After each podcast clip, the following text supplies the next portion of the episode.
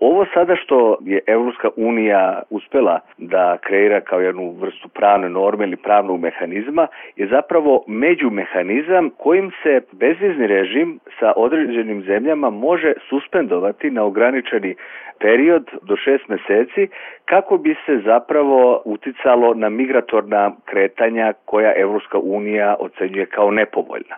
I nažalost, Srbija se nalazi u grupi onih zemalja čiji državljani u velikom broju traže azil u zemljama Evropske unije, na što Brisel i zemlje članice ne gledaju blagonaklono. Srbija već godinama dobija ta upozorenja. Ova komisija za praćenje bezviznog režima postoji od početka 2011. Kako ocenjujete šta je uradila država do sada u tom smislu? U najvećem broju ljudi koji odlaze iz Srbije i traže azil u zemljama Evropske unije jesu zapravo ekonomski migranti. Dakle, ne ljudi koji su u Srbiji proganjani, pa zbog toga traže utočište u zemljama Evropske unije, već su to ljudi koji vide mogućnost da iskoriste dužu proceduru u pojedinim zemljama članicama Evropske unije i pritom ostvare odgovarajuću nakradu. Ali da bi se odgovor na to pitanje dao i mogao procedivati uspeh države ili vlade u ovom poslu, onda je potrebno zapravo poći od onoga što je uzrok a to je pre svega izuzetno teška ekonomska i socijalna situacija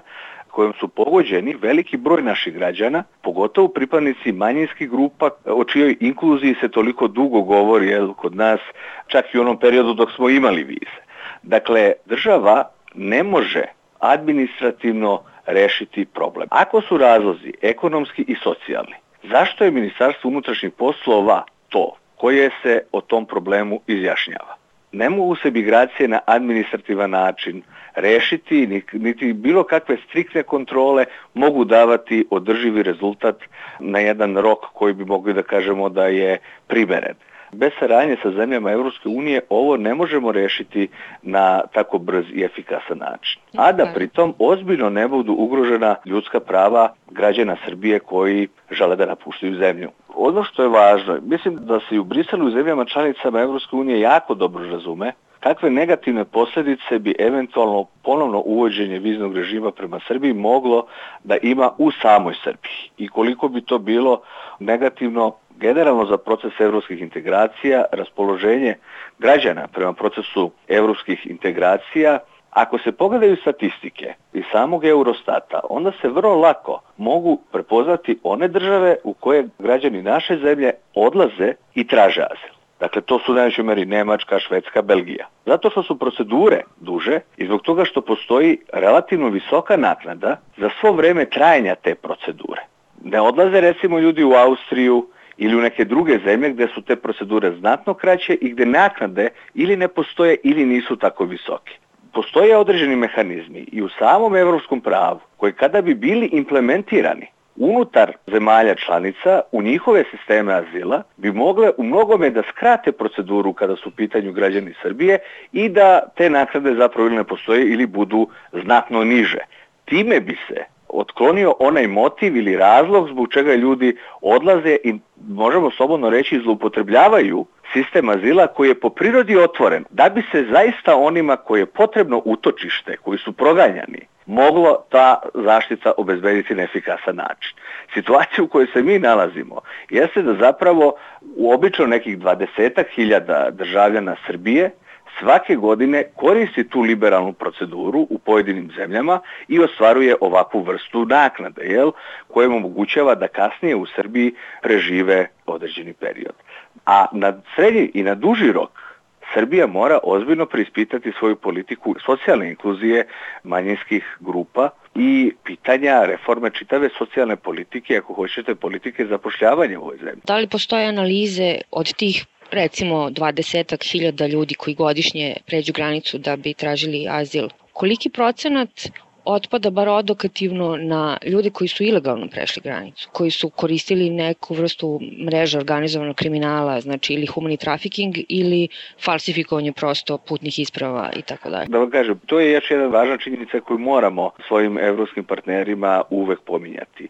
U ovom trenutku više od 4 miliona građana Republike Srbije ima putnu ispravu Republike Srbije, a uvek govorimo o jednom broju od 20.000 ljudi koji se opredeljuju da traže azil u zemljama Evropske unije. Dakle, najveći broj građana Republike Srbije su bona fide, dakle u dobroj veri putnici i poštuju šengenske propise i mora se imati u vidu i ta činjenica.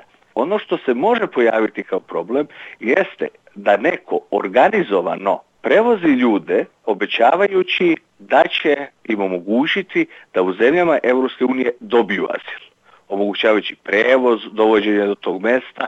Takve stvari nisu dozvoljene i one predstavljaju krivično delo. Država bi svakom slučaju trebala, a za takve slučajeve mi nismo saznali, da one koji to eventualno rade otkrije i da ih procesuira. Ono što bi bio pogrešan put, a za što postoje najave, to se govori o mogućnostima oduzimanja putnih isprava, kažnjavanja zbog toga što se traži azil. Dakle, to su sve mere koje u svom konačnom cilju, kada se postavi to u kontekst sistema azila, mogu istovremeno da znače razlog zbog čega možete tražiti azil u nekoj zemlji. I u slučaju Rumunije, a i posljednjim izveštajima Saveta Evrope, kažnjavanje onih koji traže azil je nedopušteno. Kako je... u tom smislu ocenjujete ove najave strožije kontrole granica? Kažu, juče je izašao podatak da je do sada od te uredbe o strožijem nadzoru granica do danas vraćeno sa granice 6.500 ljudi. Ta uredba je važeća i Ministarstvo unutrašnjih poslova, odnosno uprava granične policije, primenjuje tu uredbu. Organizacije civilnog društva su i u samom momentu njenog usvajanja ukazale na određene probleme. Ali ja ću vam reći jednu drugu stvar koja će samo po sebi nas ponovo vratiti na suštinu problema. A to je da migracije nisu moguće administrativno da budu regulisane i kontrolisane na način na koji se to prečicom želi uraditi. Onoga momenta, pošto je taj migratorni put iz Srbije prema Evropskoj uniji uvek vodio preko Mađarske, je u jednom trenutku su ljudi koji se odlučuju za takva putovanja su shvatili da mogu sa ličnom kartom preći bosansku granicu i onda iz Bosne nastaviti put dalje ka zapadnoj Evropi i tražiti azil.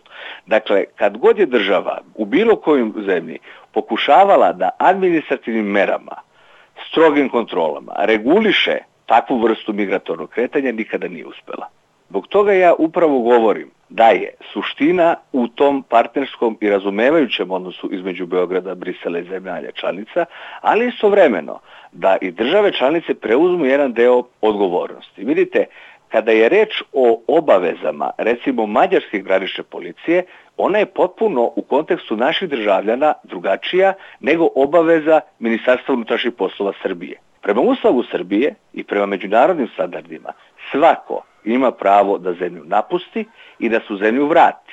Ali, kada stranac dolazi na granicu, onda u takvoj jednoj situaciji granični policajac te zemlje, u ovom slučaju Mađarske, ima puno pravo da svakog stranca pita gde odlazi, koliko novca ima, koje su mu namere, da li ima zdravstveno osiguranje i da onoga koga proceni da nije bona fide putnik za tu zemlju, odnosno šengenski prostor, ne pusti. To je posao mađarskog policajca, a ne posao srpskog policajca. I to je ono o čemu mi stalno pokušavamo da prosto te stvari se postave na određeno mesto koje je zapravo u skladu sa standardima i da i zemlje članice Evropske unije, pogotovo one koje su na spoljnim granicama Šengena, preuzmu odgovornost za šengenski prostor. To u slučaju Mađarske apsolutno nije slučaj.